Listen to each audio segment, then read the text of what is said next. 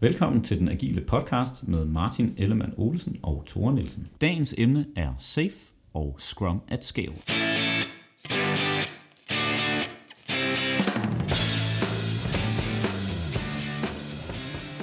Velkommen tilbage, Tore. Tak skal du have. Hvad er der sket siden sidst? Ikke en skid. Det er jo øh, cirka en halv time siden, vi optog det sidste afsnit om agil ledelse, så vi ruller videre og springer ud i det næste afsnit. Ja, så nu har vi talt os varmt, håber vi. Vi har jo glædet os helt vildt til dagens emne.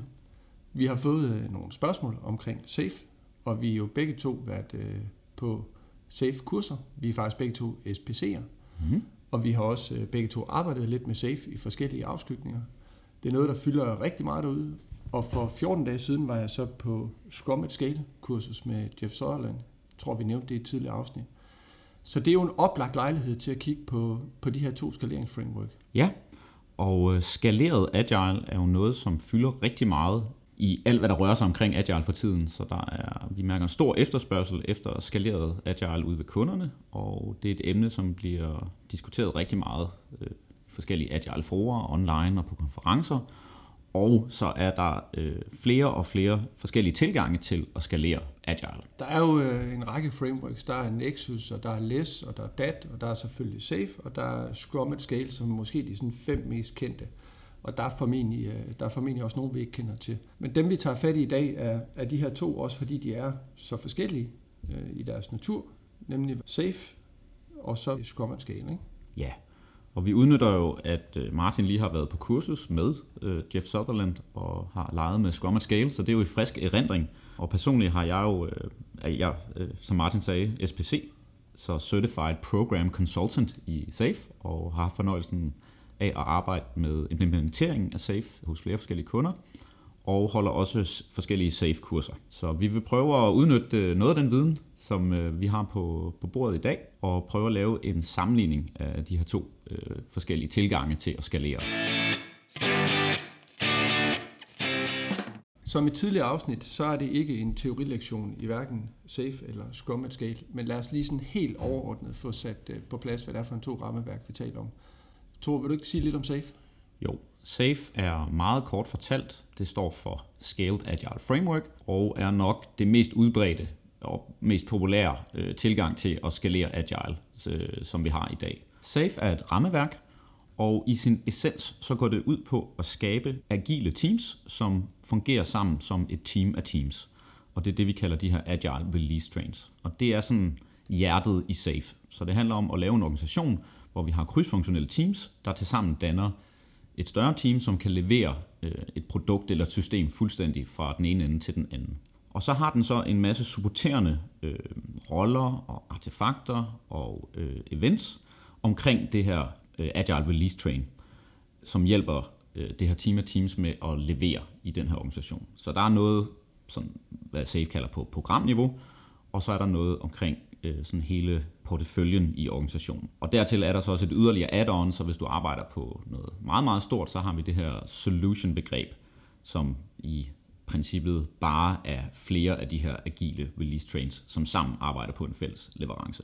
Det er ja. safe meget, meget kort fortalt. Ja, så vores, vores safe sådan, øh, er tegnet som en, man kan næsten sige et hierarki. Det er jo også noget, det kritikken går på med portefølje, large solution, program og team så er Scrum at Scale en, jeg tror de kalder det en fraktal model. Mm. Så det er en, hvad hedder det, det er lige præcis det, som navnet antyder, det er Scrum i skaleret form. Så det er Scrum Teams, der bliver til Scrum of Scrum Teams, der bliver til Scrum of Scrum of Scrum Teams, og på den måde så skalerer øh, rammeværket nærmest i det uendelige. Jeff Sutherland kalder det selv et skaleringsfrit skaleringsframework, hvilket er sådan lidt sjovt, men der skal, ikke, der skal ikke designes en organisation rundt omkring det. Man kan sådan set bare skalere et af noderne i, i den her øh, struktur til flere noder, når det viser sig, at der er behov for det. Nu er lytterne garanteret forvirret. Men skal vi ikke prøve at dykke lidt ned i det? Altså noget jo. af det, som jeg blev fascineret af, da jeg var på kurset, og jeg er ikke, jeg er ikke safe-hater på nogen som helst måde. Jeg synes, der er, synes, der er masser af fordele i safe, men der er også nogle udfordringer, som vi, øh, som vi kommer tilbage til senere. Men noget af det, jeg blev enormt fascineret af ved Scrum at Scale, er, at måden det er tegnet på, er to cirkler, der ligesom lapper ind over hinanden, og det er to ligeværdige cirkler. Det vil sige, at der er en product owner cirkel, hvor man har øh, skaleret de sådan almindelige Scrum-praktikker til, lad os bare kalde det porteføljeniveau, hvis vi skal sådan prøve at mappe det til, til safe-termer. Så der har du noget omkring den strategiske øh, vision, den overordnede øh, backlog, nedbrydning af den, og release planning. Og det mapper sådan set meget godt. Men så har du også en Scrum Master cyklus, som de kalder det, så de er egentlig mm. valgt at tage de samme termer. Øh, og der har du så koordinering på tværs af teams, continuous improvement, altså det her med hele tiden at forbedre processer i samarbejde på tværs af teams, og deployment ligger også der som en, en del af det. Så de har egentlig gjort de to funktioner ligeværdige og har to forumer, som ligesom er det centrale i modellen, nemlig det, de kalder et Executive Metascrum, og det Executive Metascrum er sådan, hvis vi kigger på fraktalmodellen, så er det kernen øh, i, i modellen, hvor executives eller ledere, de øverste involverede ledere, har et say i prioritering. Så det, det mapper næsten til porteføljeniveauet i, øh, i SAFE. Og så har du lige sådan et Executive Action Team, som er dem, der står for at fjerne sten og alle de her ting, som vi kender fra, fra Scrum Teams, altså faciliteringsdelen af det, sørge for, at processen er så effektiv som muligt, men gør det på et organisatorisk niveau. Så det er vel sådan uh, Scrum at Scale. Ja, og nu nævnte du, at det er Jeff Sutherland, som står bag Scrum at Scale, og ham kender vi jo også fra The Original Scrum, ja. øh, som han også var medforfatter til sammen med Ken Swaber. Og jeg kan måske lige sige, at SAFE kommer, øh, man kan sige, øh, ham der har fundet på SAFE, og ligesom er faderen af det, er en fyr kaldet Dean Leffingwell. Og øh, hvis der er nogen, der har stødt på det navn før SAFE, så kommer det måske også fra, at han har været øh, med til at lave RUP-modellen, det her Rational Unified Process. Det ved jeg ikke, om du nogensinde har stødt på. Det er jeg gammel nok til at støtte på. Og jeg vil faktisk også sige, øh, at man kan faktisk genkende elementer af Ruby øh, i Safe. Ja. Og så er vi lidt inde på kritikken og det er, det er en kritik, jeg har hørt mange gange. Nu, nu er jeg jo ikke gammel nok til selv at have stødt så meget på, på RUB, men øh, jeg kan i hvert fald se, hvis man kigger på modellen, at den også indeholder en, en del artefakter og processer. Og hvis man så kigger på Safe ved første øjekast, så er det jo også ret omfattende i forhold til, hvad der ligesom er med i modellen. Og mit forhold til Safe og sådan hele mit møde med Safe var så ligesom så mange andre, at øh, jeg på en eller anden måde landede på den her deres hjemmeside, hvor hele modellen står præsenteret og foldet ud. Så tænker man, hold da op, der er godt nok mange ting, og så finder man ud af, at man kan klikke på alle de her elementer og dykke ned i og finde ud af, hvad, oh, der er en masse artikler, som ligesom beskriver, hvad går det her element ud på, og det virker meget, meget stort og omfattende, og smager umiddelbart ikke så meget af det, vi forbinder med agile, det her med at meget letvægtsmetoder og processer. Det kan godt virke meget preskriptivt. Så jeg har været øh, mere safe skeptiker, end jeg er i dag. Så jeg vil godt indrømme, jeg var øh, på det her Certified Program Consultant kursus med en øh, rigtig dygtig underviser hen over fire dage, og øh, på det kursus blev jeg faktisk mere overbevist om, at, at SAFE også kan noget. Så kan man jo så tillægge det hjernevask eller, eller hvad det er. Men jeg synes faktisk også, efter at have kommet ud og arbejde med det i organisationer, at, øh, at, at jeg har fået et øh, lidt andet take på det, mm. end jeg øh, havde umiddelbart. Mm. Jeg var også på kursus, og jeg var faktisk på kursus i Colorado med Dean Levingville himself. Og det var selvfølgelig super interessant, og han er jo enormt inspirerende at høre på, så der er det i hvert fald ikke svært at blive, blive hjernevasket et af de spørgsmål, vi stillede din, da vi var derovre, det er, hvor mange mennesker skal arbejde sammen om den samme leverance, før det giver mening. Altså før det her ikke går hen og bliver et unødigt overhead. Ja. Øh, og der var hans svar minimum 50. Ja. Og det er jo mange, ikke? Altså det, det er rimelig store projekter, vi taler om. Og der, som du siger, du er mindre skeptisk nu. Ja, det er jeg også. For noget af det, der så er sket, siden jeg var derovre, det er nogle år siden, det er jo, at de er begyndt med de her øh, skalerede, eller customiserede, skalerede, haha, øh, customiserede udgaver af rammeværket, hvor man både ligesom kan få den fulde pakke, hvis man ja. laver ekstremt store, øh, et portefølje, implementering og et øh, store systemer, og, og det de kalder øh, essential safe eller essential safe. Og tager man essential safe, så, og det har jeg jo så ikke haft mulighed for at spørge din om, så er det ikke sikkert, at der skal være 50 personer på det samme projekt, for at det, det stadig giver mening. Og det man jo virkelig har der, det er, at man har programniveauet, og så har man øh, teamniveauet. Ikke? Så man har agile release trains, og så har man en række teams derunder. Ikke? Ja. Så der er ligesom de her forskellige konfigurationer, hvor en virksomhed ligesom kan vælge til og fra, og i øvrigt også plukke på tværs af de her konfigurationer, hvis man synes, der er noget, der lige passer til ens kontekst. Og det kan jo så også have nogle ulemper. Men øh, lad os vende tilbage til det øh, lidt senere. Er der mere at sige om Safe?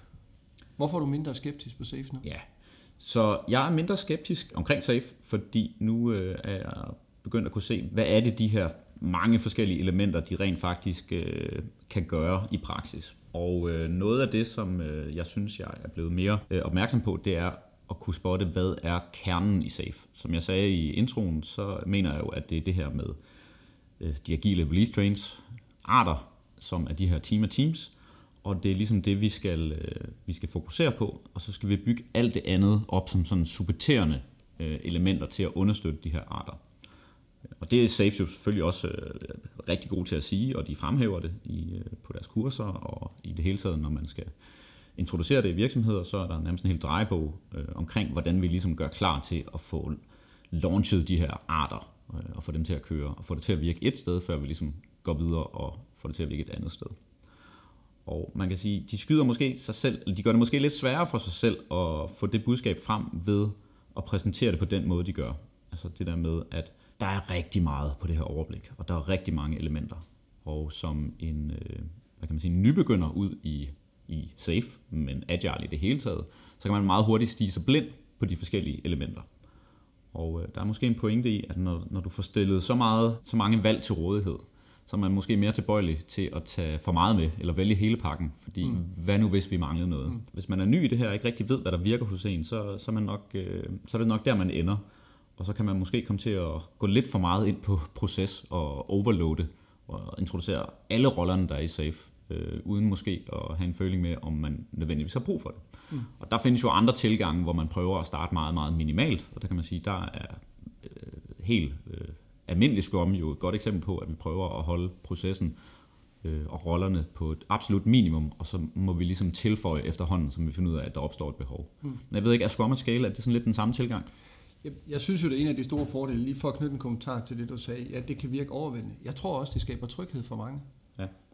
Det, det ser ud som om, og det er det i øvrigt også, det er jo enormt godt beskrevet, det ser ud som om øh, alt er beskrevet nærmest ned i mindste detalje, så der er ligesom en drejebog for, hvordan kommer man i gang med det her, hvad er det, man skal gøre, og rollebeskrivelser osv. Og det tror jeg skaber en, øh, jeg vil jo kalde det en falsk tryghed, men jeg tror, det, kan, det skaber en tryghed hos mange, at det er i virkeligheden så velbeskrevet. Det gør det helt klart, og, og det er måske også forklaringen på, at det er så udbredt, øh, som det er i dag. Ja. Nu øh, kunne jeg måske have forberedt mig lidt bedre til nogle tal med, men jeg mener, at det, vi er oppe omkring de der 60 procent af de skalerede rammeværk, øh, som øh, virksomheder siger, de bruger, men det er, de siger faktisk, at det er safe, ja, eller safe-inspireret. Ikke? Og, og så gammel er safe jo ikke, og det er et af de rammeværk, der har allermest øh, fart på i, i forhold til udbredelse. Øh, jeg kan ikke huske, om det var Jeff Sutherland, men jeg hørte på et tidspunkt udtrykke, at det er det er agile svar på fast food. Det er, det, det er safe. Ja, så, så han mener, det er lidt den nemme løsning. Jeg, jeg tror ikke, det er, fordi han er vild med at gå på McDonald's, at han sagde det på, på den måde. Jeg, jeg tror, han lagde noget ind i det. For at komme tilbage til de spørgsmål, så er det vel en af de fundamentale forskelle, den her måde, man kommer i gang på, hvor, at, som du øh, så fint forklarer i SAFE, så starter man med at identificere de her value streams og lave øh, organiseret release train omkring det. Så i Scrum Scale, så starter man i virkeligheden med et Scrum-team, og du kan faktisk starte så småt som med et enkelt Scrum-team. Så er det selvfølgelig ikke skaleret endnu, men der er et eller andet med at starte enten top-down og sige, mm. det her det er øh, den værdistrøm, som vi organiserer os omkring, eller starte bottom-up og sige, nu får vi Scrum til at virke i nogle teams, og så skalerer vi det derfra. Ja. Øh, og det er jo her, den her fraktatmodel kommer ind, hvor at man har øh, et enkelt team. Jeg har det faktisk øh, på en kunde i øjeblikket, øh, som, øh, jeg vil ikke sige, de kører modellen, men de læner sig op af modellen. Og, og deres måde at komme i gang på, var at starte to Scrum Teams, øh, og de to Scrum Teams skal nu blive til, til tre Scrum Teams. Og der kigger de på, er det så nu, vi skal have en Chief Product Owner til at hjælpe øh, PO'erne på de tre teams med at koordinere og nedbryde og mappe strategien til det, de laver. Alle de her ting, som en, øh, en Chief Product Owner gør. Ikke? Ja. Vi har jo den her hvad kan man sige, saying inden for Agile, at uh, you can't scale crappy code. Ja. Så der er noget med at få det til at virke uh, småt, før du skal, skal lære det op. Og på samme måde kan man sige, you can't scale crappy teams. Ja. Så hvis du ikke kan få det til at virke for et enkelt team, så kan du nok heller ikke få det til at virke på 10 teams. Nej, det er jo måske her, der også kommer en holdningsforskel til, hvordan er den rigtige måde at komme i gang med Agile på. Ja, så øh, nu sagde din jo selv, øh, afslørede du, at øh, vi, skal, vi skal nok op omkring 50 stykker. SAFE har jo også en, øh, en hvad kan man sige, et, en begrænsning eller et forslag til, hvor store de her arter de skal være. De siger jo også, at de er mellem 50 og 150 personer. Ja. Øh, og hvis vi er mere end det, så skal vi nok gå op i at lave flere. Og hvis vi er under det, så er det måske overkill, som Dean jo også siger der. Ikke? Der har vi jo nok set eksempler på, at man har indført en art på, lad os bare sige, tre teams, hmm. hvor, vi, øh, hvor vi kører det her omkring øh, og, og indfører alt det, der ligger i parken. Og det, det kan måske være lidt for meget, især hvis vi ikke har nogle teams, som rent faktisk øh, har lært at arbejde agilt nu. Så det er måske meget voldsomt at blive introduceret for alle de her ting, som man skal kunne yderligere, mm. for at få det til at køre. Enig. Ja, øh, men du, øh, du startede med at spørge, hvad, hvad er det Safe kan? Det, det, det, kan, det, det kan tydeligt sælge, det kan fastfood også, ikke? Ja. Øh, men udover at det er selvfølgelig gode penge for Scaled Agile øh, firmaet, så, så mener jeg faktisk også, at det, det kan gøre noget for de virksomheder, som vælger at bruge det. Jeg vil fremhæve det, som de også selv mener er hjertet i SAFE, og det er det her PI-planning, eller Big Room Planning. Har du nogensinde været med til en af dem? Ja.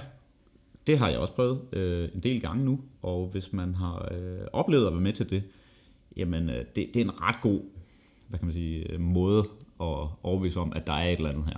Så det der med, at kort fortalt PI-planning handler om at samle øh, alle de her førnævnte teams, som øh, den her art bestod af, og alle, som, øh, som repræsenteret i det her programlag øh, omkring arterne, og alle mulige andre interessenter, som der også kan være omkring det her produkt, som vi skal levere i et stort lokale hen over to dage, hvor vi simpelthen laver en plan, som kigger maks et par måneder frem i tiden. Og det vil typisk være, lad os sige, 3-5 sprints, som jeg også kender fra Scrum. Vi arbejder stadigvæk i iterationer på teamniveau, men de her iterationer foregår så ligesom i en, en form for øh, meta-iteration på programniveau, som så tager et par sprints. Og det kan bare noget, det der med at samle folk og facilitere de her face-to-face øh, samtaler, facilitere kommunikationen, og vi kan simpelthen få bragt så meget viden på bordet og udnytte den her viden og få, øh, få gang i den her selvorganisering og øh, få teamsene til at føle sig øh, Øh, forbundet til den overordnede plan, fordi de er med til at lave den selv, og, og, og det skaber meget mere kontekst for alle, som er en del af sådan et agile release train.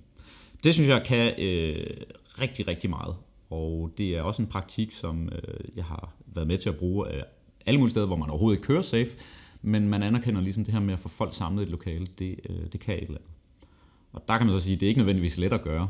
Det kan, det kan som sådan være være noget af en opgave første gang, man skal prøve at holde en sprintplanning bare med et team. Så mm. forestiller vi, at vi har 10 teams i samme lokale, plus alle mulige interessenter omkring. Vi er måske 100-150 personer. Det lyder voldsomt, og det kan også godt være en voldsom oplevelse første gang. Men øh, ligesom alt andet, så er det jo noget, man bliver bedre til, øh, hver gang man gør det. Fordi vi lærer noget nyt hver gang. Og hvis det er 10 teams og 150 personer, så er der jo 15 på hver teams, eller hvad? Er det den anbefalede teamstørrelse i SAFE?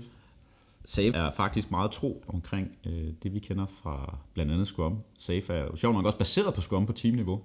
Så et agilt team, det er stadigvæk de her 3-9 personer, det er anbefalet. Så når, når vi siger 150 personer, så er det jo typisk, at vi, vi også øh, har nogle, øh, nogle mennesker på det her programniveau, som er en slags chief product owner, kunne vi måske kalde det i, øh, ja. i Scrum-terminologien. Vi har en slags øh, chief Scrum Master, så vi spejler ligesom rollerne også. Og dertil har vi også nogle, nogle, nogle yderligere roller med mere teknisk øh, fokus, plus forskellige øh, forretningsinteressenter, som kan være en, øh, en del af det her. Så lidt hurtig hovedregning siger, at der er mellem 60 og 120 personers øh, overhead på et, på et øh, team på 10. Der er mellem 3 og 9 personer på team. det kunne man måske godt anklage dem for. Der er i hvert fald mange roller, skal ikke bare sige ja. det. Så, ja, ja, ja, jeg, jeg, jeg synes faktisk, hvis, hvis jeg lige må knytte kommentar til det, at øh, når jeg har været øh, en del af de her PR planning, så mærker man lynhurtigt konsekvensen af, hvis der mangler nogen i lokalet. Ja. Og nogle gange så er der jo øh, forskellige øh, afdelinger i en virksomhed, som administrerer, lad os bare sige sådan nogle shared services, som mm. går på tværs af teams. Og de er jo ikke nødvendigvis en del, integreret del af den her art, men deres arbejde er stadigvæk, vi er stadig afhængige af deres arbejde for at kunne levere vores mm. produkt. Så hvis vi skal kunne commit os til en plan, så er det måske meget godt at have dem i lokalet til at kunne sige, ja, vi, vi kan faktisk godt levere det her ind på det her tidspunkt, så, så I kan komme videre med det, I arbejder på. Mm. Og øh, i praksis så er det måske ikke 150 mennesker, der har været i lokalet øh, øh, hele tiden, men, men folk er ligesom kommet ind og ud og ja. været der på det rigtige tidspunkt. Ja. Nej, det var også, øh, det var også mere, hvad hedder det, venskabeligt drift. Jeg er også ret vild med, jeg er også ret vild med big room planning, og synes også, det kan noget, og det skaber typisk en, øh, en enorm energi, og som du også siger, det skaber også noget alignment i, hvad er det, vi, øh, hvad er det, vi skal lave. Ja. Man, får, man får talt det igennem. Der, hvor jeg synes, det kan være en, øh, en lille smule udfordring, det er både det her med at kaste sig ud i det. Du siger, at det, var, det er svært nok at forstå sprintplanlægning på teamniveau. Ja. Og hvis man så ligesom starter med safe, uden at have en base at stå på, ja. så er det altså 10 teams, øh, for at bruge eksemplet fra før, ja. Der samtidig ikke kun skal forstå, hvordan de selv sprintplanlægger, men også hvordan vi sådan metasprintplanlægger ja. i, øh, i arten. Så det, det synes jeg kan være en kæmpe stor øh, udfordring. Ja.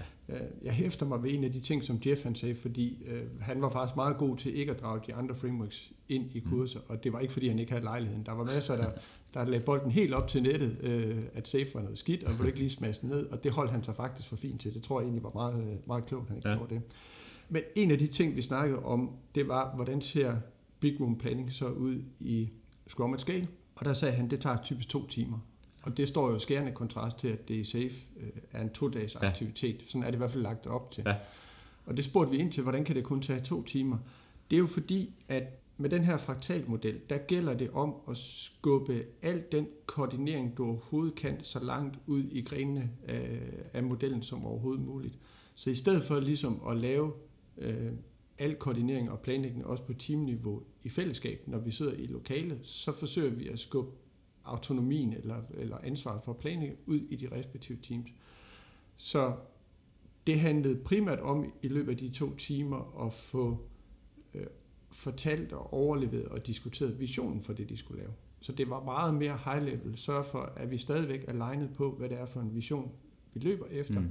Og så har vi tillid til, ude i de enkelte grene, om det så er Scrum of Scrum of Scrum, øh, eller Scrum of Scrum, eller enkelte Scrum Teams, afhængig ja. af, hvordan forgreningen ser ud, ja. at de så selv kan finde ud af at realisere øh, hvad det nu end er, de sidder med inden for rammerne af den mission. Ja. Så jeg synes, et noget, et, et noget sådan, hvad hedder det, løsere mandat vil nogen nok sige, ikke? men ja. i hvert fald noget mere overordnet mandat, og dermed noget mere ansvar ud i, i de enkelte teams. Og, og det er vel også et af kritikpunkterne i, i SAFE, at når den er lavdelt på den her måde, så bliver det meget noget med, at man overfra ned bestemmer, hvad det er, der skal laves, og så bliver det i virkeligheden mere produktionsteam, ja. eller det er der i hvert fald en risiko for. Ja, og det har jeg også set ske flere gange. Og nu sagde du jo netop lavdelt. Hvis man går ind og kigger på modellen, så har vi jo helt op i toppen, hvor cheferne bor, ja. hvor direktørerne bor, der ja. har vi porteføljelaget, og så bevæger vi os ellers nedad på programniveau, og så helt nede på bunden, der har vi de her agile teams. Igen, så synes jeg faktisk, at man skyder sig lidt i foden ved at præsentere det sådan her. Den forståelse, jeg har af SAFE, og det jeg kunne forstå med fire dage med den førnævnte underviser, også hvis man dykker ned i alt materialet omkring SAFE og hører, hvad din siger, så er intentionen jo, at man vil have lige så meget selvorganisering, som jeg er sikker på, øh, Jeff Sutherland også uh, vil have med sit rammeværk. Mm. Altså det er også det, man tror på. Man tror stadigvæk på det agile. Man tror på det her med decentraliseret uh, beslutningstagning. Man tror på, at det, der motiverer mennesker, det er også, hvis de har indflydelse på kan man sige, deres arbejde og deres egen hverdag. Så SAFE vil faktisk fuldstændig det samme. Have de her krydsfunktionelle, selvorganiserende teams, og så vil man gerne give dem rammerne, som de så kan selvorganisere indenfor, ud fra sådan en erkendelse af, at der er også nødt til at være nogle hjørneflag, og der er nødt til at være en anden retning. Mm. Det, at modellen er repræsenteret sådan her, og sådan som SAFE øh, nok bliver tolket mange steder, kan jo nok øh, medføre, at der sker lidt det modsatte. Ikke? Mm. Så, så jeg, jeg synes næsten, man skulle vende modellen om, og simpelthen have teamsene op i toppen, for ligesom at sende et signal, at det er det her, der skal fungere, og det er mm. dem her, vi skal på banen. Så hvis man nu antager, at man har et øh, højt, et højere agilt modenhedsniveau, og man, man, man har bedre kendskab til selvorganisering, og, og man har de her teams, som er vant til arbejde rigtig proaktivt med, øh, med sådan nogle ting her, så tænker jeg, at det her det fungerer fuldstændig upåklageligt, og jeg tænker også, at man måske ikke har brug for så meget fra modellen til at give dem den her retning. Men hvis man ikke har det, så er jeg ret enig med dig i, at så det er en ret høj læringskurve, vi kastet ind i det her. Plus det opfordrer måske ikke til så meget selvorganisering, som vi rigtig gerne vil have, mm. i og med, at vi lige pludselig får nogle hindringer i forhold til at få det til at ske. Mm. Og når jeg, når jeg lytter til det, du siger om uh, Scrum at Scale, så tænker jeg jo også, at det kræver et ret højt nive- modenhedsniveau for at kunne gøre det der på to timer, mm. og så et eller andet sted gå ud af rummet, og så klare den yderligere koordinering mere lokalt. Hvad, hvad tænker du om det? Jeg, jeg tænker, nu har Jeff det også med at tegne det meget, øh, meget firkantet op, ikke? Og for ham så er det nærmest bare et fingerknip, så han har måske også et navn, hvor når han går ud i en virksomhed og hjælper dem, så stiller samtlige ledere op og rydder deres kalender og har tid til at, at gøre lige præcis det, han beder dem om. Så det, det hænger måske også sammen med det. Jeg er ikke sikker på, at det hverken tager to timer eller skal tage to timer i, mm. i alle sammenhæng. Men jeg kan enormt godt lide mindsetet bag. Altså jeg kan mm. enormt godt lide det med, at vi fokuserer på, jeg lige vil sige the big why. Ja. Altså start with why. Ikke? Altså, mm. hvorfor er vi her? Hvad er det, vi skal lave? Og genbesøge visionen, og den ja. stadig den rigtige. Ja. Og så den der tillidsbaserede øh, tilgang til det at sige, så, så har vi sat en, der er jo ikke fri leg, men vi har sat en struktur op øh, i den her model, hvor vi har nogle Chief Product Owners, eller Chief Chief Product Owners, afhængig af hvor skaleret det er, ja. som har ansvaret for at realisere det. Og de mødes jo også. Der er jo det her Executive Metascrum, hvor de mødes, så der er jo også noget koordinering undervejs. Og det var også en af hans pointer, at når vi kan tillade os kun at tale overordnet omkring visionen, så er det jo fordi, at der er et forum undervejs, hvor vi koordinerer de ting, der bliver lavet i de her forskellige grene. Ja. Og der sker det jo, hvis man forestiller sig sådan en, en, når man kigger på en fraktal, så sker det jo alle de led, der er, ja. øh, alle de noder, der er i fraktalen. Så det, han siger, det er ikke usædvanligt i store organisationer, at man går til et Scrum-team-møde, og så går man til et Scrum of Scrum, og så går man til et Scrum of Scrum of Scrum, og så, går ja, man til, og så ja, kan du ja. næsten blive ved. Ikke? Øh, og så tager det et kvarter hver gang, og så har man øh, været til otte møder på to timer, eller, eller hvordan det nu øh, er. Ikke? Ej, det er måske overdrevet. Det synes jeg er meget i det oprindelige agiles ånd, at gøre det på den måde. Jeg synes, jeg synes, en af de ting, som jeg også hæfter mig ved, som vi lige kan prøve at diskutere, hvordan man håndterer i SAFE, det er jo, at i Scrum Scale på, kan man sige, Scrum Master siden, der har de det, de kalder et Executive Action Team. Og her fortæller Jeff jo røverhistorier om, hvordan han, som jeg sagde før, fik alle direktørerne til at, at, at stille op og vi hele deres tid til at fjerne barriere. Ja. Og så bliver tingene jo lidt lettere. Men noget af det, han fremhævede, det var, at det ikke nok med ledelsesmæssig opbakning ved festlige lejligheder. Så det er ikke nok, at de siger, at nu skal vi til at køre agil, og så erklærer de sejren seks måneder senere ved, ved en festlig lejlighed med, med champagne og en kage, hvor der står, nu er vi agile. De skal simpelthen også gøre noget. Ja. Altså, og det er derfor, han kalder det et action team, og ikke et vi bakker op team, men ja. holder os ellers i baggrunden. Og det kan jeg enormt godt lide, ja. at de har hånden på kogepladen, og skal aktivt deltage i at få, få det her til at virke. Ikke? Ja, ledelsen og topledelsen skal være virkelig committed til det her. De skal ud og gøre nogle ting. Det er ja. ikke noget, vi ligesom delegerer. Også lidt det i henhold til vores øh, sidste afsnit, så var det jo også meget det, der er Ron i uh, kom ind på, at man som leder er man ligesom nødt til at gå forrest og forstå, hvad det her handler om. Ja. Og så også rent faktisk få noget jorden og neglene. Ja, I stedet for at stå og pege og sige, I skal gå derover, så er det nemmere selv som leder at gå derover og sige, kom over til mig. Ikke? Ja, og dit spørgsmål er så, hvordan sker det i SAFE? Jeg, jeg ser det jo i hvert fald, fordi, der er, fordi det, og det er måske også nu siger jeg bare noget tegneteknisk, men i, Scale er det to ligeværdige øh, cirkler. Ja. Og det vil sige, øh, procesdelen af det, det at få det implementeret, få det til at virke, fylder lige så meget ja. øh, som produktdelen af det. Ja. Og noget af det, jeg ser i SAFE, når man sådan lige kigger ned over den, så er det meget et produktfokus, ja. eller et kundefokus. Og det er der sådan set ikke noget galt i, fordi ja. det, er, det er jo det, agile er. Det er jo ja. noget med at skabe værdi for slutbrugeren men der er ikke ligesom en, en model ved siden af her samme størrelse, der går Nej. på implementeringsdelen af det. Giver det mening? Ja, det gør det. En af kerneværdierne, de fire kerneværdier i SAFE, er jo det her program execution. Så det handler om at kunne eksekvere et program ved at bruge SAFE. Ikke? Mm. Så vi skal ligesom kunne levere noget på skala, og det er helt klart det centrale fremhævede element i det. Så er der jo selvfølgelig en masse ting omkring at kunne optimere processen, og vi har nogle forskellige øh, learning loops på teamniveau, på artniveau. SAFE lægger jo meget vægt på at få undervist folk. Man kan mm. sige, at de har en rimelig stor uh, kursusmodel med at få selv, solgt forskellige diverse kurser til forskellige roller. De anbefaler at man altid starter med det her leading safe. Og det uh, ser vi jo i praksis, at det er alle mulige forskellige organisationer, der kommer på det. Men det er jo faktisk tiltænkt, at lederne i organisationen, de skal få noget undervisning. De skal mm. forstå, hvad det her går ud på, som vi også har talt om tidligere.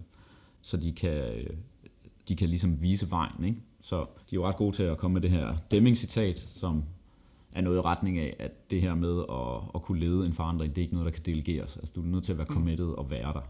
Så du kan ikke bare sende en repræsentant til at gøre det. Ikke? Ja. Så det ligger jo indforstået, at du, du skal på banen, ikke? og du skal ud og vise vejen, og opfordre hele organisationen og være en form for mentor for den her lean-agile tankegang. Så det, det er med i modellen, og det er noget, de har overvejet. man kan sige, de, de gør det måske ikke lige så operationelt, som Scrum at Scale lægger op til. Altså, nu ved jeg godt, at vi har jo det her LACE, som vi gerne skal sætte op, det her mm. Leans uh, Agile Center of Excellence, som vi kunne måske kalde det en pendant til et transformationsteam, som har til samme opgave ligesom at få det her til at virke i organisationen og fjerne forhindringer osv. Jeg tror ikke, det er lige så eksplicit, at vi skal, vi skal helt op på executive niveau, som, som jeg lidt tolker Scrum at Scale skal gøre. Men dertil kan man sige, SAFE har jo også, i og med at den har øh, en masse praktikker på, helt, altså på teamniveau, med hvordan er det, vi skal arbejde, så prøver de også at hive det helt op på, på porteføljeniveau, og der kan være nogle specifikke dedikerede roller til ja, direktørerne, så de kan også begynde at være meget mere operationelle og faktisk arbejde agilt med Kanban boards og øh, have de her ceremonier omkring det, ligesom Teamsene også gør. Så på den måde kommer det ligesom til at spejle sig på tværs af organisationen. Så på en måde så lægger det jo op til, at vi, vi, vi skal også ud af vagten, og vi, vi, vi skal være committed til at gøre noget. Øh, men jeg anerkender, at det, det er måske ikke så, så fremhævet så tydeligt, som vi ser i Scrum mm. Og derved kan det måske også blive, blive glemt ja. i mængden af ting, man skal gøre. Jeg udgav faktisk et blogindlæg i går, lige præcis om det der med, hvordan skaber man en, øh, en samarbejdskultur. Øh, og konklusionen var vist, og så slipper I for at læse indlægget. Start i ledelsen og gå foran med et godt eksempel. Ikke? Ja. Og det er lidt det, du siger også nu, så, ja. så det passer enormt godt. Og, og det er jo ikke sort-hvidt, for der er virkelig også ting ved, ved Safe, jeg rigtig godt kan lide. Øh, ja, hvad kan du lide ved det? Jeg er meget nysgerrig. Der er en ting, nej, der er, der er flere ting, jeg godt kan lide. Jeg kan godt lide den der Big Room Planning tankegang, og, og Safe er, det lægger de heller ikke skjult på, det er jo en samling af en række praktikker, som er opfundet ja. før SAFE. Og de har i virkeligheden paketeret det, og så, som du lidt hentede til før, så sælger de en masse kurser og certificeringer rundt omkring det. Ja. Det er jo også en forretningsmodel. Problemet med paketeringen er måske, at indpakningen er så flot, at man lidt ukritisk sætter de her Lego-klodser sammen. Mm. Og det, det er nok der, jeg går hen og bliver kritisk. Ja. Jeg kan godt lide jeg kan selvfølgelig godt lide, at vi i bunden, når du siger, at det bør være i toppen, at vi har, at vi ligesom er tro mod det agile mindset og har øh, de agile teams, uanset om det er øh, Scrum teams eller det er, er Kanban teams. Og så kan jeg enormt godt lide det her med, at de taler om relentless improvement. Ja. Og det er jo, en, det er jo en, en, en sproglig stramning i forhold til at tale om continuous improvement, og det var noget, det din understregede også, det var, det er ikke nok at gøre det kontinuerligt, hvis, hvis du vil det her, hvis du vil være de bedste til at gøre mm. det, så skal det være, så skal der lidt mere power bag, ikke? Ja. og derfor kalder de det relentless. Og det er jo fuldstændig øh, det samme, som når jeg fremhæver, at det hedder et executive action team, og ikke et executive support team, men der skal noget, der skal noget action på. Ikke? Mm. Så er det fuldstændig det samme, de gør her, i forhold til continuous improvement og stramme ja. den. Så det kan jeg enormt godt lide. Jeg kan også enormt godt lide, øh, at de i 4.6-versionen faktisk er begyndt at have nogle af kerneværdierne og mindsetet og ledelsesprincipperne mere med. Ja. Altså i forhold til 4.5 og specielt i forhold til tidligere versioner, så synes jeg, at der i 4.6 er en erkendelse af, at ledelse spiller en større rolle. Ja. Det hedder heller ikke for, for lean development, eller for så, altså safe for lean development, eller, eller software development, mm-hmm. nu hedder det for lean enterprises, som er også en ending, hvor de siger, at det ikke kun for IT-afdelingen eller udviklingsafdelingen, men for hele organisationen. Hele din ikke? Ja. Jeg, jeg tror, det drukner mange steder, men jeg synes egentlig, intentionen er rigtig, og ja. det må man jo så give dem, uh, give dem kredit for, ja. at de breder det ud til hele organisationen. Så jeg synes, det, det er i hvert fald nogle af de ting, som, uh, som jeg synes, man skal fremhæve. DevOps er et andet element, som er kommet til at fylde meget mere, og som vi også tror på kommer til at blive næsten synonym med agilitet i fremtiden, men i hvert fald blive en driver eller en, eller en enable for forretningsagilitet, at ja. man begynder at at arbejde med DevOps i, øh, i organisationerne. Jeg synes, der er rigtig, rigtig ja. mange gode ting at sige om SAFE. Så som du siger, så, så tilføjer de jo øh, hele tiden i nye versioner, og noget af det, de tilføjer, det er måske bare en highlight af noget, de havde før. Nu har de jo fremhævet de her fem kernekompetencer, hvor ledelse er en del af det, men også det her med DevOps og teknisk agilitet er kommet meget mere i højsædet nu håber du, at det bliver synonym med agile i fremtiden, men man kan måske også uh, sige, at det var synonym med agile engang, ja, ja. men så gik der processer og projektleder i den, og så, uh, så blev det måske lidt glemt, men uh, nu vil vi begynde at vende tilbage til det igen. Ja. Og, og de udvikler jo hele tiden på det. De siger jo, at, at de gør det erfaringsbaseret. Det, det tror jeg simpelthen også, også på. Hvor uh, nu er der jo rigtig mange, rigtig meget empiri på SAFE. Mm. Der er rigtig mange, der bruger det. Rigtig meget feedback, der kommer, kommer tilbage til dem. Så de tuner hele tiden på den og finder ud af, hvad, øh, hvordan kan vi øh, gøre det her mere tydeligt, hvordan kan vi fremhæve det her, er der noget, vi mangler? Ja. Og man kan sige, at det der med, er der noget, vi mangler, det, det er måske en tommelfingerregel, de har, de har brugt måske lidt for ofte, fordi der er rigtig, rigtig meget. Det er jo, det er jo, det her, det er jo blevet sådan et kæmpe katalog af best practices inden for alt. Ja. Om de bløde ting og de hårde ting og alt, hvad der er imellem. Og det er som om hver gang, at de ligesom har set, hov, nu, øh, nu er der nogen, der, der mangler et eller andet svar på et eller andet, så må vi hellere øh, kunne henvise til det her svar. Og det gør jo, at, at modellen bliver, den bliver hele tiden større, ja. og, vi, og vi tilhører hele tiden nye ting. Så hvis der, hvis der kommer et eller andet nyt inden for agile, et, øh, nyt, noget inden for ledelse, hvad det skal være, så er det som om, det bliver suget ind i SAFE, så de kan sige, at det har vi også med, det har vi også tænkt på. Ja. Og jeg var på en konference, hvor der var en, han, han sammenlignede SAFE lidt med det her sorte hul, hvor, hvor alt bare på uundgåeligt bliver suget ind i, og, ja. og der er ingen nogen måde at, at undslippe det. Ikke? Jo. Man kan jo sige, en af de ting, der ligger i, i sådan periferien, og som de har som sådan nogle uh, papers og anbefalinger, som jeg ikke tror er på modellen lige nu, det er, hvad hedder det, Agil HR. Ja. Og, og det skulle ikke undre mig, øh, og det er der meget godt at sige om. Der er også meget godt at sige om deres øh, take på det, og jeg kender hende, der ligesom er, er lead på det, og hun er super fornuftig. Men det skulle ikke undre mig, at version 4.7, at der vil der så komme en, øh, jeg ved ikke om det er en boble eller en firkant eller, eller hvad det er, men så, så bliver det også noget, der bliver tilføjet som en del af rammeværket. Ja. Ikke? ja, de er også begyndt at kigge på Safe for Government. Ja. Hvilket jo også er interessant. Men, der kan man sikkert også sælge en masse certificeringer, tænker jeg. Det tror jeg bestemt. så... Men, men hvis, hvis vi kigger på, øh, på modellen, så, så er det jo sådan en, en helgarderingstilgang, ja. hvor man forsøger at dække alt. Og så er, det, så er det rigtigt, at som du sagde, vi har de her forskellige konfigurationer, men selvom vi klikker på Essential Safe, som er sådan det, de selv siger er minimum ja. i forhold til at kalde det safe, så er der jo stadigvæk rigtig, rigtig meget, der skal på plads. Ja, ikke? enig.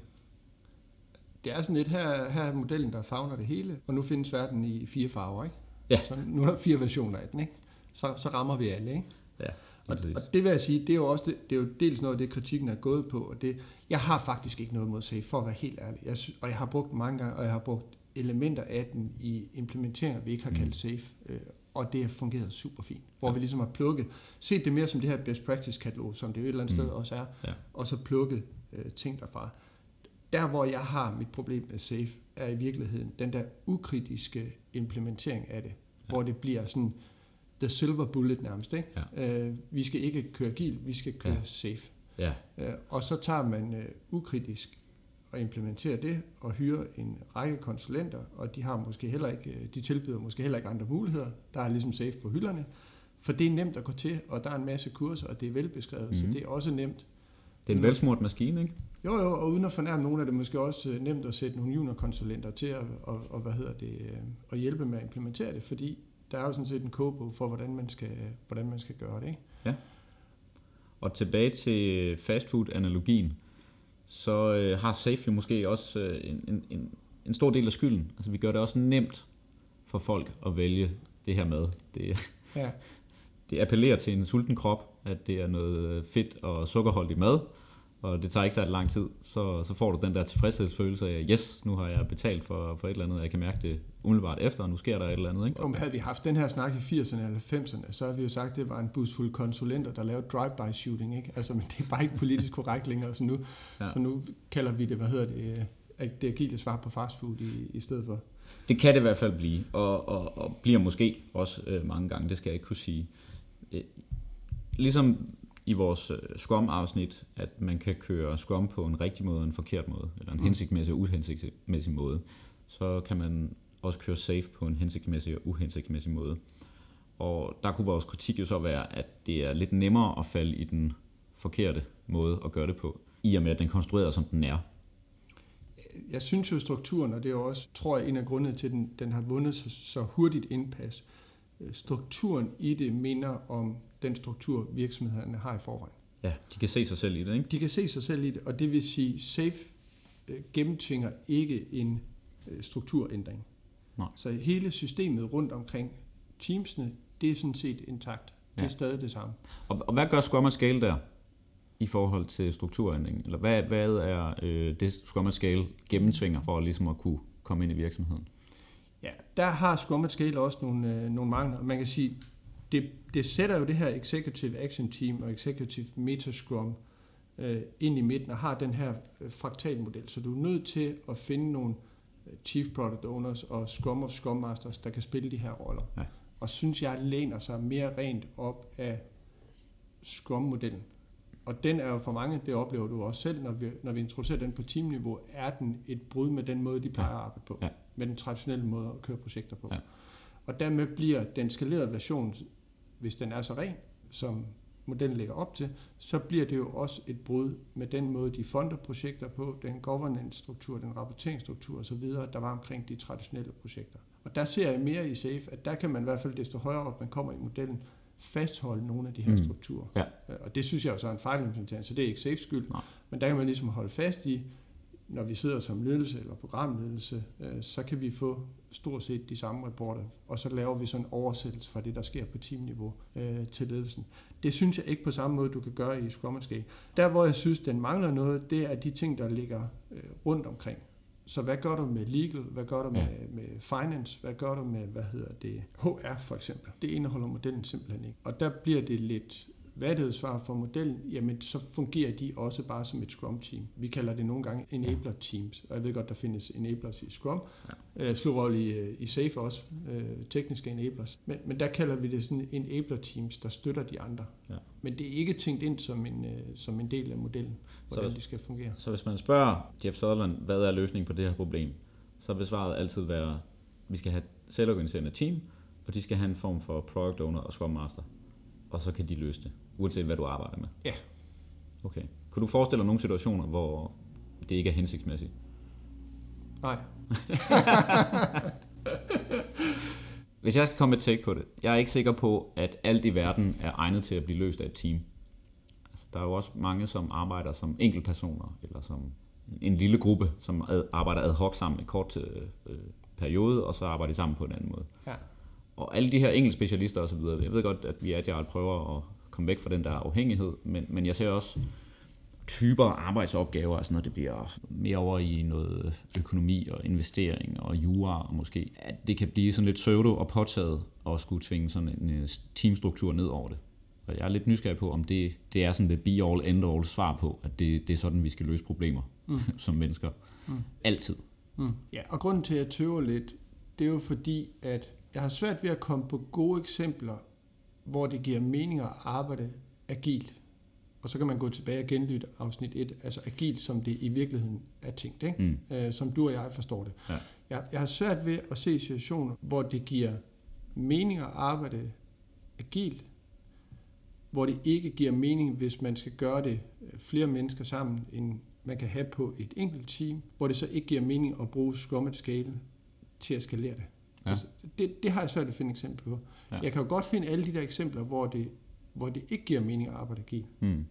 Men der skal man jo ikke arbejde agilt. Og det er jo lidt det, du siger også, ikke? at det er jo ikke alt, der skal passe ind i den struktur. Scrum og Scale også inde i det?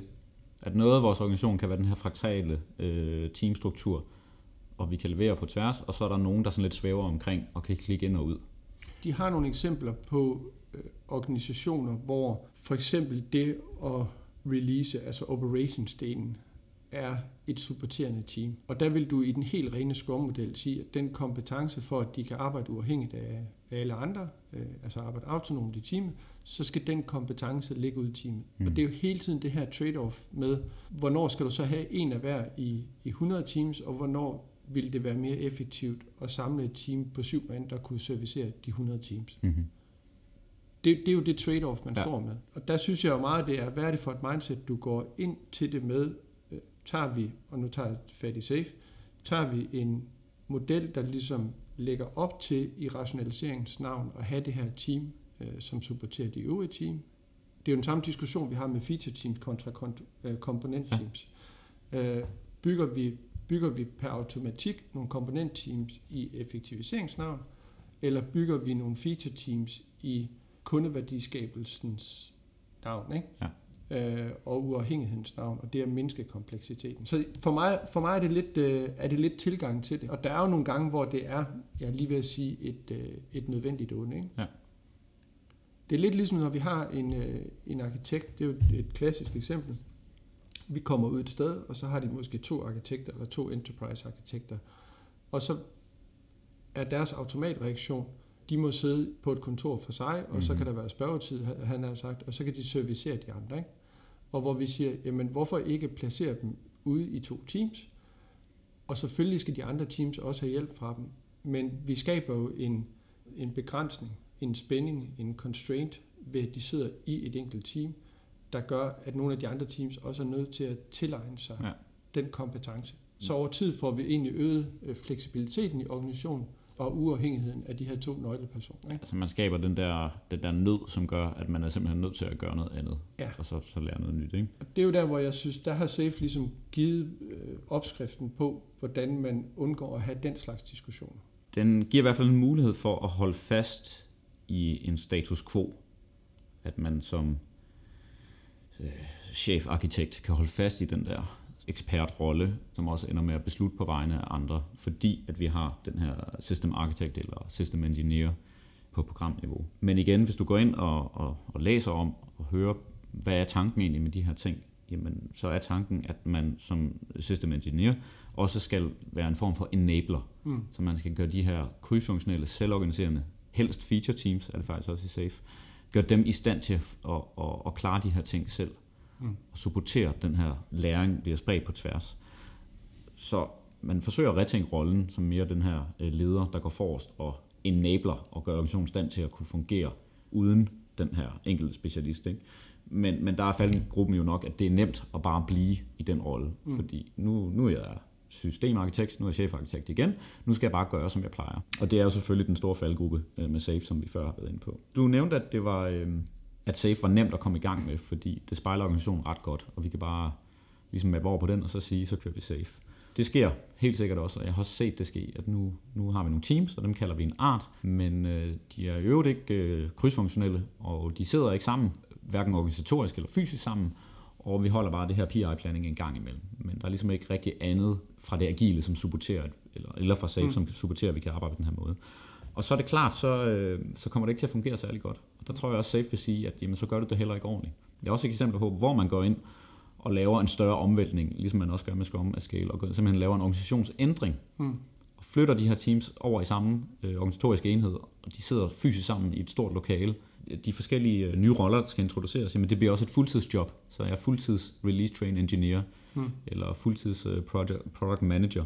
Hvis man committer sig, og det, øh, det synes jeg også SAFE opfordrer til, at man skal gøre, men den åbner måske også døren lidt på klem for, at du, du kan gøre det lidt halvt, Mm. så, så er det faktisk en ret stor ændring på de fleste traditionelle organisationer at skulle, uh, skulle følge det her. Jeg, jeg er helt enig. Man har jo tidligere snakket om, at når man laver Scrum Teams eller agile teams, så skaber de nogle gange sådan en, en boble rundt omkring sig, og bliver meget sig selv nærmest. Og det er jo ikke meningen med det. Det er jo meningen, de skal række ud og interagere både med resten af organisationen og, og med kunderne. Og, det, og den risiko er der jo i de skalerede frameworks også, at man så bare skaber en større boble. Ja. Øh, men at princippet i virkeligheden er det samme. Ikke? Ja. Øh, og, og det er jo bare en dårlig implementering, havde jeg sagt, for at sige det som det er. Ikke? Ja, Så- det vil, det vil Jeff nok også sige uh, med hans. Jo, men jeg synes, øh, jeg synes jo forskellen er, at når du kigger på SAFE, så, så vil, hvis man laver den her hurtige implementering, eller dårlig implementering, eller hvad vi nu kalder det, så kan PMO'et bestå. Man kan stadig have en gated proces, fordi vi har de her øh, PI-planning events, som kan fungere som, Mm. øh, som gate. Funding-processen kan være den samme, fordi de laver øh, planer for, for, for hele den her øh, periode, og kan få, øh, kan få fundet det. Øhm, release management-processen kan være den samme måde, man går til markedet, kan være den samme, rapporteringsstrukturerne kan være den samme. Øh, det kan stadigvæk være nogle ledere, der hyrer, Ja. fyrer medarbejdere og flytter rundt på dem mellem øh, teamsene. Og he, i virkeligheden hele performance management-diskussionen, og hvordan vi belønner og følger op, kan i virkeligheden også være den samme. Ja. Så man kan tage nogle af de ting, som vi forsøger at gøre op med det agile, og faktisk bibeholde dem, og så Ja. stadig sige, at man kører safe. Ja, det er måske lidt for nemt at holde fast i, de ting der. Men hvis vi skal prøve at kritisere den kære Scrum at Scale lidt også, nu vi snakket meget om øh, Daves øh, mangler. Hvad synes du er, er nogle af kritikpunkterne ved Scrum at Scale? Det troede jeg sådan set var dig, der skulle, øh, der skulle stå for det. Jeg, jeg kan godt komme med en, øh, eller nogle stykker måske. Jeg kan som udgangspunkt øh, rigtig godt lide det teoretiske udgangspunkt, som øh, han har valgt her med at Scale. Det der med, at vi, vi forsøger at holde modellen så enkel i sin grundform som muligt, og så er det, at vi ligesom spejler det op igennem organisationen, så det bliver Ja. skaleret ja. fraktalt. Ja. Altså den øh, nørden i mig bliver utroligt tiltalt af det, og synes, det er smukt, og Ja. ja. der, der er et eller andet, vi kan mappe over på øh, mønstre, vi ser i organisationen, og det, det er meget, eller ude i naturen, undskyld, og det er jo meget organisk, ikke? Så der Jo. er et eller andet, det, øh, det tiltaler mig utrolig meget. Men så synes jeg jo også, at, at det er jo det samme, som de øh, også har gjort med Scrum. Det, det kan jo fungere rigtig, rigtig, rigtig godt. Men øh, det folk typisk mangler ved Scrum, det er jo så alle de ting, som den ikke besvarer. Og alle de ting, som man er nødt til at opfinde og nødt til at gå på kompromis med og finde smutveje omkring for at få det til at fungere. Og jeg ser lidt den samme risiko her. Altså alt det svære. Nu kan det godt være, når Jeff han står og siger det. Ja. Nu har jeg jo selv øh, var på Agile 2018 i San Diego og høre ham fortælle om det. Og der var jo ikke det, som øh, det ikke kan løse. Og man kunne han havde tal med, som viste, hvis du indfører Scrum og Scale, jamen så steg din, øh, din øh, aktieværdi øh, sådan og sådan, og der var en direkte korrelation der. Ikke? Ja. Men når folk så spurgte, der var ikke mange, der turde gøre det, men der var øh, slet ikke mig. Men der, der var nogen, der, der spurgte sådan, okay, men hvad, hvordan håndterer vi så alle de udfordringer, der er, når vi skal indføre en forandring? Altså ja. folk skal lære noget nyt, og resistance to change, tror jeg, det var formuleret så. Der er hans svar sådan øh, rimelig øh, kontante, jamen man kan jo bare skille sig af med dem. De ja. fleste mennesker i dag er alligevel freelancer, så det er jo ikke så dyrt at fyre de folk. Okay, fint. Det tror jeg bare ikke løser de fleste organisationers problem. Nej. Og nu er han jo i en position, hvor han øh, lidt måske kan vælge til og fra og sige, øh, du er nødt til at gøre det her, ellers kommer jeg ikke at hjælpe dig. Og, ja. og det, det gør kunder så. Ja. Men øh, også andre lidt mere dødelige har måske lidt svære ved at få øh, solgt de her ting ind og få den her commitment, fordi det er en, en ret stor radikal ændring. Ja. Så jeg tænker, en af kritikpunkterne øh, kunne være, at øh, vi ret hurtigt kan rende ind i en mur, og det er simpelthen for svært at følge ja. det her. Og jeg synes jo, det er fordelen med ulempen. På kurset der rettede han også de der eksempler. Jeg tror, han havde sådan 3-4 eksempler i træk på, på virksomheder, der var blevet millioner milliarder mere værd, ja. efter han havde indført Grommet Scale. Det, det er fint nok, men i sådan en dansk kontekst, når der sidder 30 danskere og lytter på det der, så kan man godt blive sådan lidt ja. irriteret på det, ikke? Øh, og jeg turde godt at spørge selvfølgelig, så eller var dum nok til at mm. spørge. Så, så der var sådan en helt elektrisk stemning, og han stod der i sollyset, og så kom jeg til at spørge ham om, øh, hvad, hvad den næste børsnoterede virksomhed var, han skulle hjælpe. Øh, om ikke lige han kunne øh, lægge det. Så det synes han faktisk ikke var specielt morsomt. Fordi så tænker jeg, så må man jo investere i det, hvis, mm-hmm. hvis det ja. mange dobler på ja. den måde. Jeg er ikke sikker på, at han forstod joken. de 29 andre synes, det var meget morsomt, tror jeg nok. Så, ja. så var det det værd. Ja. Men øh, jeg, tilbage til spørgsmålet. Jeg, jeg tror, det der er jeg lige vil sige, det er den hellige gral. Ikke? Det, det, det er det, der er helt vildt svært. Hvordan får du lavet en model, uden at det bliver sådan en one size fits all, mm. eller det bliver den her kobogsmodel. Ja. Og, og du har fuldstændig ret. Der er de ting, som vi talte om før, omkring HR og økonomi og alle de her andre ting, som er en del af en effektiv organisering, det forholder han sig slet ikke til.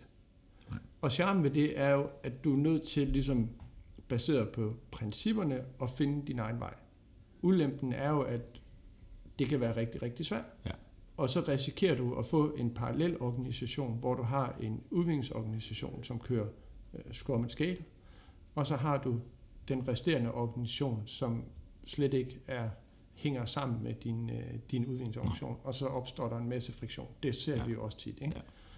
Og, og de har svært ved at spejle sig i de ting, de så ser de andre gøre. Ja og de kan, de har, der er måske ikke lige svaret, som vi i hvert fald kan finde noget af i SAFE, til, jamen, hvad gør vi så?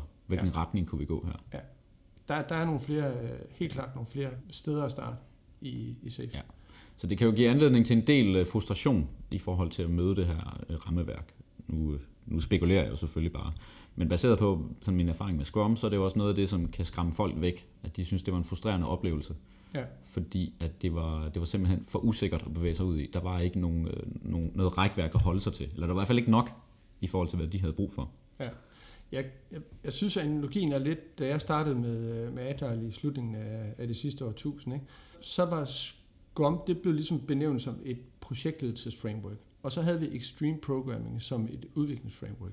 Og det er jo noget af det positive, jeg hæfter mig ved, ved SAFE-modellen. Det fylder godt nok ikke ret meget, men helt nede i bunden, hvor, øh, hvor der står de her Scrum og Kanbans team, der er der også lige skrevet XP på. Ja. Øh, det står på. Jeg tolker det i hvert fald som XP, som Extreme Program. Det er korrekt. Ja, og det var, og, og det var det, vi, øh, vi også dengang konkluderede, at der mangler simpelthen fokus på de tekniske praktikker. Ja. Så hele det her refactoring mindset og pair programming, alle de her ting, det er nødvendigt for at få det maksimale ud af Scrum. Ja. Så det er jo ikke overraskende, det Jeff har gjort med Scrum at Scale, fordi han har jo sådan set bare taget den ene halvdel, kan man så at sige, nemlig den her produktudviklingshalvdel øh, og proceshalvdel, øh, Scrum Master-delen af det, og skaleret det. Ja. Og hvor det så før var de tekniske praktikker, der manglede på teamniveau, så er det de organisatorisk-tekniske ja. praktikker, hvis man kan kalde dem det, der nu mangler i rammeværket. Siger han overhovedet noget omkring teknik eller software for den sags skyld? I, åh, sådan lige på stående kan jeg ikke huske andet end det der med, at craftsmanship er, er vigtigt. Han, er, han kommer selv med en, øh, med en rimelig teknisk baggrund også, så, så det er jo, han siger ikke, hvordan man skal gøre det, men, mm. men det er noget, som er super vigtigt. Altså han siger jo det om det, at du skal have, du skal have et velfungerende team, før du begynder at skalere det. Mm. Og det, det var lidt der, vi startede med. Mm. Starter man overfra eller nedefra? Ja, ja. Og i det forstår jeg også, at du skal have et team, der har styr på deres shit, var jeg lige ved at sige. Altså har styr på teknikken ja. og kan lave nogle gode leverancer i en ordentlig kvalitet. Ja. Altså du skal, have noget, du skal også have noget forudsigelighed i, leverance, ja. i leverancerne for teamet, før du begynder at skalere. Og det er også en af de ting, når vi snakker safe, så er der jo den her PI-planning. Hvis du har et nystartet agilt team, så svinger deres velocity jo op og ned, altså hvor meget øh, de producerer på et sprint. Øh, det, hvad hedder det, det svinger op og ned, og de har enormt svært ved at planlægge ret mange sprints frem. Mm. Og hvis du så lige pludselig gør det for x antal teams, og trækker tiden ud og gør det på 6 eller 8 sprints, så er der endnu mere usikkerhed. Så er der ikke? endnu mere usikkerhed. Ja. Og et helt nystart teamet har måske ikke nok med, at de har svært ved, deres øh, velocity ender, så de har måske svært ved at levere noget som helst inden for en iteration på 14 dage. Ja. Det der med at, at bygge noget, som er færdigt på så ja. kort tid, det er jo som regel for mange organisationer en ret uh, tall order. Ja. Jeg hørte faktisk en, en øh, anden agil podcast på vej herhen i dag. Hvad fanden? Og, no, og noget Hvorfor kunne du lytte til os? Ja, det var også en fejl. Så noget af det, de snakker om, og det var helt tilfældigt, men det passer faktisk meget godt. Det. Noget af det, de snakker om, det var, at innovation er ligesom blevet det nye sort ja. i alle organisationer. Vi skal være innovative, og mm. alle siger, at vi er enormt innovative. Ja. Og det, de argumenterede for, det var faktisk en, der var pro-safe. Det, de argumenterede for, det er, at innovation tager tid. Mm. Og det, der jo så er lagt ind i den her, øh, hvad hedder det, PI planning, eller hvad den hedder, Innovation and Planning, er det ikke det, den hedder? Ja, uh, IP Iteration. IP Iteration. Ja. Det er jo netop tid afsat til innovation. Ja, så hvis man i løbet af et uh, PI, det vil sige Program Increment, det her, den store iteration, som hele arten uh, sigter efter, der kan måske være fire almindelige udviklingssprint, eller almindelige sprints, iterationer i det, og så til sidst har man en tilsvarende længde af den her Innovation and Planning, øh, hedder den, for ja. ligesom at skabe rummet til, at vi har plads til at innovere Ja. Fordi man ved godt, at hvis vi ikke gør det, og vi prøver at planlægge det sideløbende med vores almindelige arbejde, så er det det, der bliver spist, lige så ja. snart, at, at tingene begynder at presse på. Ikke? Jo. Og det synes jeg er enormt positivt, fordi det er der typisk øh, ikke plads til ret mange organisationer. Når SAFE så bliver fejlimplementeret, så er det, at man er bagud i forhold til det commitment, man har givet på, hvad hedder det, PI-planning, og det commitment er ikke et forecast eller en hypotese. Mm-hmm. Det, er, det er noget, du har lovet nogen, at ja. du leverer. Og så kommer man til at trække det ind i iteration and planning. Så bliver ja. det virkelig bare en buffer. Ja, lige præcis. Så hvor vi gamle dage skar i, i testindsatsen, så, så sker vi nu i, i innovationsting. Innovationsting, ikke? Men, men jeg synes, tanken er enormt smuk. Ja. Og det er jo en af de kritikpunkter, der har været på Scrum også.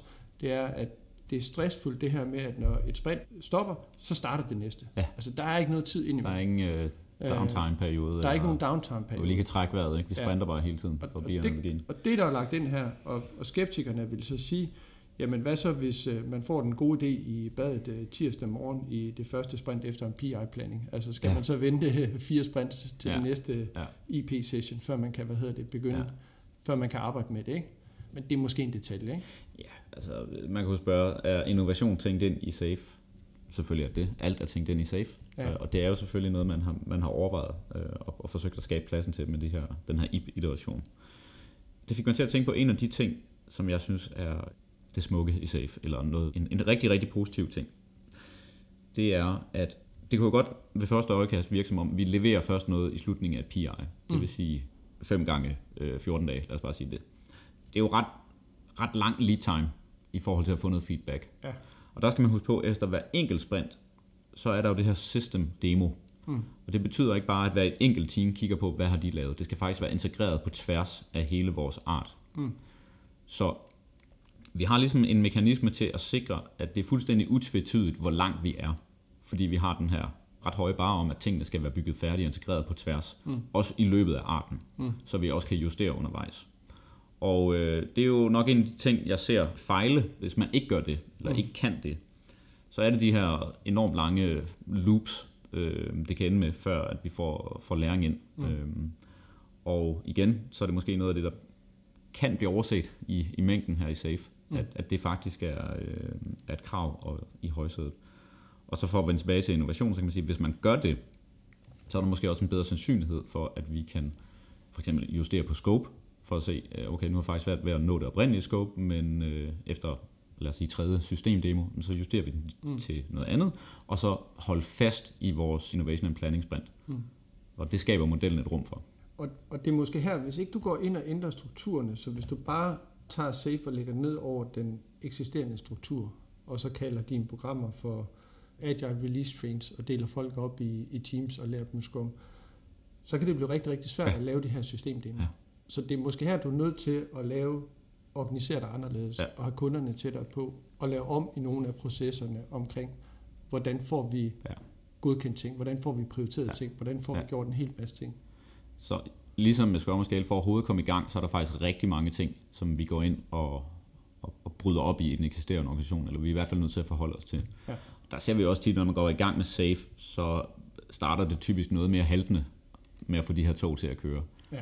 Og det anerkender man også, at det, det, der, altså, det er okay også med modellen, at dit første release train ikke kører sådan, så skide godt. Ja. Men ved at have det her relentless improvement, så, så bliver vi bedre og bedre til at få det her til at køre. Ja. Men der kommer også pres på, ikke? fordi hvis, hvis du tager et økonomisk perspektiv, så at have 100 eller 150 mennesker til ikke at levere efter deres, øh, deres første iteration, det er også en halvdyr fornøjelse, ikke? Ja, men der kan du sige, hvis vi har gjort det på den traditionelle måde, så er det måske sandsynligvis lige så stor, hvis ikke større risiko, vi arbejder med der. Det er måske trukket meget længere ud end, øh, end, end fem iterationer, før vi opdager, at vi ikke leverer noget. Ikke? Oh, men der kan man bedre bevare illusionen af, at vi er on track ikke? I, i ja, det er rigtigt, og der, øh, der indfører den jo heldigvis øh, noget mere transparens i SAFE. Ja. Jeg synes, der er en... Hvis man lige skal sådan kigge på sammenligning af de her to rammeværk igen, så hvis vi zoomer lidt ud, og hvis vi fremhæver sådan kernen i SAFE, så er det jo meget af det samme, de bygger på. Altså, det er noget med nogle teams, det er det her med selvorganisering, og så er det noget med at få de her teams til at fungere i en større enhed. Og så gøre det, der skal til mm. for at få, få flow og for at være i stand til at levere. Og så have nogle indbyggede mekanismer til at blive bedre. Altså det her continuous improvement. Ikke? Det ser vi på dem begge to. Mm. Og så er der sådan nogle forskellige tilgange til at supporterende aktiviteter. Vi har rigtig meget safe og ikke så meget i Scrum at Scale. Men essensen er sådan lidt det samme, de bygger på, hvis man zoomer lidt ud. Og for eksempel, hvis vi kan sammenligne det med noget, der ligner vandfald, så, så ligner Safe og Scrum Scale nok rimelig meget hinanden. Ja, og den store forskel er ved den her empiriske tilgang til at komme i gang i Scrum at Scale, ja. hvor man kan starte med noget så småt som et enkelt team og ja. få nogle erfaringer, og så bruge den her fraktalstruktur til at bygge ud ja. og til sidst øh, omklamre eller omfavne øh, hele virksomheden. Ja. Hvor Safe er er mere sådan designet op fra ja. og ned. Altså der er ja. nødt til at sidde nogen og trække nogle, nogle streger og sige, ja. det er sådan her, vi designer du, du beslutter mere på forhånd, kan man sige, ja. med den model. Ja, og, og det gør jo også, at man, når man implementerer den model rigtigt, bruger lidt mere tid på at, at tænke sig om, og der vil kritikerne sige, det er sådan lidt mere uh, upfront uh, design ja. and planning, men man sætter sig ned og identificerer de her værdistrømme, og hvordan designer vi os rundt ja. omkring det. Og, og der går man jo i virkeligheden bare mere i gang i Scrum at Scale, Mm. Og så lærer vi af de erfaringer, vi får, og så udvikler strukturen sig undervejs, indtil den ligesom er rigtig, hvis man kan kalde det det. Ikke? Og den struktur, den er jo scale-free. Ja. Kan du ikke lige prøve at forklare det? Fordi jeg er ikke helt sikker på, at enten jeg forstår det, eller at jeg køber den. Hvorfor er det skaleringsfrit at gøre på den her måde? Scale-free, sådan som jeg forstået det, betyder ikke, at man ikke skalerer i den forstand, at man får flere teams. Mm. Det vil man jo sige er en opskalering. Men det er, når man snakker om en skaleringsfri arkitektur, så drager man en analogi til naturen og naturlige systemer, og den måde, mm. de udvikler sig på. Øh, og det der er pointen, det er, at der kommer ikke et ekstra overhead på, når vi skal lære. Så når du får nye noder ja. i dit træ, så skal du selvfølgelig have en product owner og en scrum master, men jeg garanterer mm. dig for, at det ser Jeff ikke som et overhead. Det er en ah, helt nej. central del. Nej. Så du skal ikke have, du skal ikke have flere supporterende funktioner eller mennesker omkring til at støtte. Nu joker vi lidt med, hvor, hvor stort er overheadet så på sådan et uh, release train. Ikke? Og du skal heller ikke, du skal heller ikke, når du kommer ud over 150 personer og skal til at i gang til et nyt release train, så skal du ikke have hele det her setup op at køre. Så er det i virkeligheden bare yder, bare bare, ikke? Mm. Men så er det yderligere en noget i, uh, i dit netværk. Ja. Det, det er sådan, jeg forstår det. Så, han, så du får en, en, sådan en, en hurtigere måde at skalere på. Altså det er nemmere at skalere fordi du hele tiden kan starte nye noder op, og dermed øger du fleksibiliteten. Og dermed vil jeg jo sige, at du øger forretningsagiliteten. Ja. Fordi sker der noget i markedet, gør din konkurrent ja. noget andet, et eller andet, ikke? så kommer der en ny teknologi. Måske så, mere det der med skaleringsfrit, som måske er lige... Det, det er måske en organisk måde ja, at skalere på. ja. Så, så kører jeg den. En af de ting, han også sagde, og det har jeg ikke hørt, øh, det har jeg ikke hørt i SAFE, han sagde, at nogle gange er den bedste måde at skalere på, det er at deskalere. Ja. ja. Og det glemmer vi jo nogle gange. Vi glemmer nogle gange, at kan vide, om ikke vi kunne løse det her med Færre. nogle færre mennesker. Ja. Ja, der har vi jo øh, et andet rammeværk, som vi helt sikkert skal kigge på på andet tidspunkt med LES, som jo faktisk anbefaler, at man øh, deskalerer sin organisation, før man øh, begynder at snakke skalering. Spændende. Ja. Det skal vi også snakke om. Det skal vi helt sikkert snakke om. Men hvis vi lige skal prøve at opsummere lidt, så har vi jo kigget på de her to øh, forskellige tilgange til at skalere. Martin, hvis du skulle sige, hvem er det her for? Altså henholdsvis øh, Safe og Scrum at Scale. Så vil jeg sige, at uh, Scrum at Scale er for organisationer, faktisk uanset størrelse, uh, der har tålmodigheden til at uh, introducere den agile måde at arbejde på, på den her empiriske måde. Ja. Altså baseret på erfaringen. Ja, Og som er villige til at investere den ledelsesmæssige båndbredde, der også skal Mm. til, for at få det til at fungere. Ja. Uh, men det er det, det tager længere tid, tror jeg. Altså det, det, det er langt sejt træk. Ja. Men man får formentlig også en metode, der passer bedre til de vilkår, som øh, man har som organisation. Er en hypotese i hvert fald. Ikke? Ja. Og jeg vil sige, øh, SAFE er for den store organisation primært. Altså vi skal jo have 50 mennesker, der arbejder Ja. sammen om det samme, så det, det giver en vis størrelse. Som rigtig gerne vil arbejde agilt, og som gerne vil hurtigt i gang. Jeg er lige ved at sige, at hvis man som stor organisation gerne vil i gang, og gerne vil, eller har behov for at gøre det på mange projekter på én gang, hvis man ligesom gerne vil have en hurtig udbredelse ja. af det, så tror jeg, jeg vil anbefale, at man tager fat i SAFE. Fordi ja. det jo ligesom kan være et overlæg på de eksisterende strukturer. Ja. Og, og det, det tænker jeg ikke, der er noget galt i, hvis man har en ambition om at udvikle det derfra. Ja. Så jeg tænker egentlig, at SAFE kan ses som en, en hurtig måde at komme i gang på, Ja. og som en trædesten mod ægte agilitet. ja, Ja. ja. Nu kan lytterne ikke se, at jeg sidder og, og griner, ikke? Men det, men det er jo lige ved, at SAFE kunne være et skridt på vejen mod, om det så er Scrum Scale eller LES, eller det Ja. er, en, er en deskalering, der gør, at vi har autonome team, der faktisk ikke Ja. ja. behøves et skaleringsrammeværk for at arbejde sammen. Ikke? På Scrum Scale, så er der måske ikke lige så mange støttehjul på den cykel, du skal sætte op på, når du skal lære at cykle. Men du bliver måske en bedre cyklist ved at lære det på den Ja. måde. Mens uh, Safe, der har du rigtig mange forskellige uh, sikkerhedshjul, og jeg skal give dig på, på cyklen. Og faren er så, at du, du måske aldrig rigtig lærer at blive god til at cykle. Ja. Og på Scrum at Scale er der heller ikke lige så mange store konsulenthus, der kan køre en bus fuld konsulenter ind og hjælpe dig i gang. Vel? Så, så der skal du måske også involvere dig lidt mere selv. Hvad den hedder, den her øh, Innovators Adoption Curve?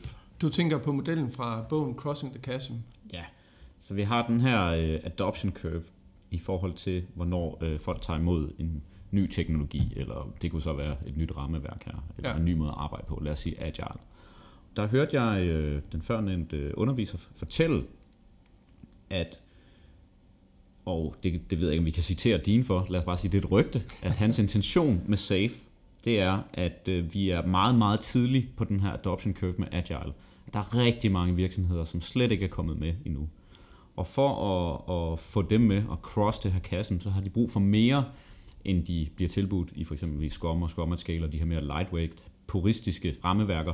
Der har de brug for noget mere. Så for ligesom at få trukket dem med ind i Agile, så er vi nødt til at tilbyde dem noget, hvor de kan se sig selv mere. Og der er Safe, har Safe som formål at komme ud og nå ud til flere virksomheder og få krydset det her gap, og simpelthen få dem med i gang med Agile. Og, og gabet, du taler om, det er, at der er jo altid nogen, der løber foran. Så der er altid de her innovators, øh, som de kalder dem, og early adopters, altså dem, der tager teknologi Ja. ja. tidligt til sig. Og så det at få den tidlige del af majoriteten med, af det, der er det svære. Ikke? Ja. Så der er, hvad hedder det, Spotify og Facebook og alle de der, øh, som har stor succes med, med Agile, men som er nogle af de der øh, innovators. Nogle af dem har været med til at opfinde det, Ja. og nogle af dem har taget det tidligt til sig. Ja. Og nu kommer turen så til Ford og GE og Carlsberg og øh, AP Møller Mærsk og hvad de nu ellers hedder. Ikke? Ja, lufthavne, hospitaler, jeg skal give dig. Ikke? Ja. Og hvis vi kommer hen til dem med Scrum Scale, for eksempel, så er det måske lidt sværere at få dem med, end hvis vi kommer med noget som kunne safe. Helt klart. Og, og for at binde en krølle på det, så oplever vi jo også på organisatorisk niveau den her crossing the chasm-effekt. Så hvis, hvis der simpelthen går for lang tid, før vi får skaleret det, så mister ledelsen også interessen. Og det er jo ikke ond vilje, men der er så mange ting at forholde sig til i forhold til digitalisering og markedskræfter og alt muligt andet, at på et tidspunkt, så er det ligesom om, så erklærer de sejren, og så siger de, nu kører det, og så har vi ikke øh, fået skaleret det, som vi egentlig gerne ville. Der kan det måske være meget smart at lave sådan en, en Big Bang implementering med, med SAFI ja. i stedet for. Ikke? Ja. Så jeg synes også, det hænger sammen med, hvad, hvad er det, man vil bruge det til. Altså det må aldrig blive agile for agile skyld. Og, og der er Scrum Scale måske sådan lidt mere rendyrket mm. øh, i, i, si, i sin måde at forstå agile på. Ja. Ja. Og hvis behovet er at køre nogle store programmer og have en masse mennesker til at arbejde sammen, og det ligesom er, taler det en lille smule ned, men det ligesom er drevet fra toppen, hvad det er, der skal laves, og det handler om at få det effektiviseret. Ja så er safe da helt sikkert et, øh, et bedre valg. Det er også et bedre valg i, i andre situationer, men, men det var bare et scenarie, hvor at, så er det nok den model, man skal vælge. Ikke? Ja. Så er det, er det ikke vores konklusion, at rammeværkerne kan noget forskelligt, jo. Øh, og det vi i virkeligheden er modstandere af, det er sådan øh, hovedløs øh, bare at tage et rammeværk, fordi det gør naboen, ikke? Præcis. Det der med for en hammer er, er alt søm, ikke? Ja. Så du er, du er nødt til at forstå, hvad det er, du går ind til at forstå, hvad er formålet med de her rammeværk. Og det ligger jo så i begge modeller, at man, man skal have noget undervisning på kursus. Der ligger jo også i det, at man skal tage, tage aktivt stilling, og man skal tage aktiv part. Og det er jo der, ja. det her med executive action, at de involverer sig i det, ja. kommer ind. Ikke? Ja. Og, og det tænker jeg, at det er altså en, øh, en sund øh, ja. øvelse i begge scenarier. Ja, så forstå, hvad det er, du går ind til, og, og commit dig til at øh, få det her implementeret, og være en del af det, være en aktiv del af det, må ja. være anbefalingen herfra. Altså start with why. Start med, hvorfor skal du overhovedet skalere? Ja. Og så, og så finde ud af, hvad det er for et rammeværk, der er det rigtige for dig. Ikke? Start med at lytte til en agil podcast, der kan gøre dig lidt klogere på, hvad det hele går ud på, og hvorfor du skal gøre det. Lige præcis. På det her tidspunkt plejer vi jo at besvare lytterspørgsmål. Men dels så har vi talt temmelig længe, øh, og dels så, øh, så er der blevet lidt stille på spørgsmålsfronten. Så, så det springer vi over i dag, men vi vil opfordre til, at I sender nogle øh, spørgsmål ind. Vi leger faktisk lidt med tanken om at lave en øh, spørgsmål, lytterspørgsmål special. Og hvis ikke I sender nogle spørgsmål, så bliver det en anekdote special. Ja. I stedet for. Nej. Og hvis I ikke sender spørgsmål, så bliver vi bare ved med at snakke rigtig, rigtig længe. Ja. Så hvis I gerne vil have lidt mere selv ind i det, så øh, send os nogle spørgsmål det har været nogle sindssygt gode spørgsmål, vi har fået tidligere i hvert fald. Så ja. Send os nogle flere. Var det det for i dag? Det var det for i dag. Tak for nu. Selv tak. Det var en fornøjelse. Som altid. Følg os på Facebook, Twitter og denagile podcast.dk. Vi ses. Hej.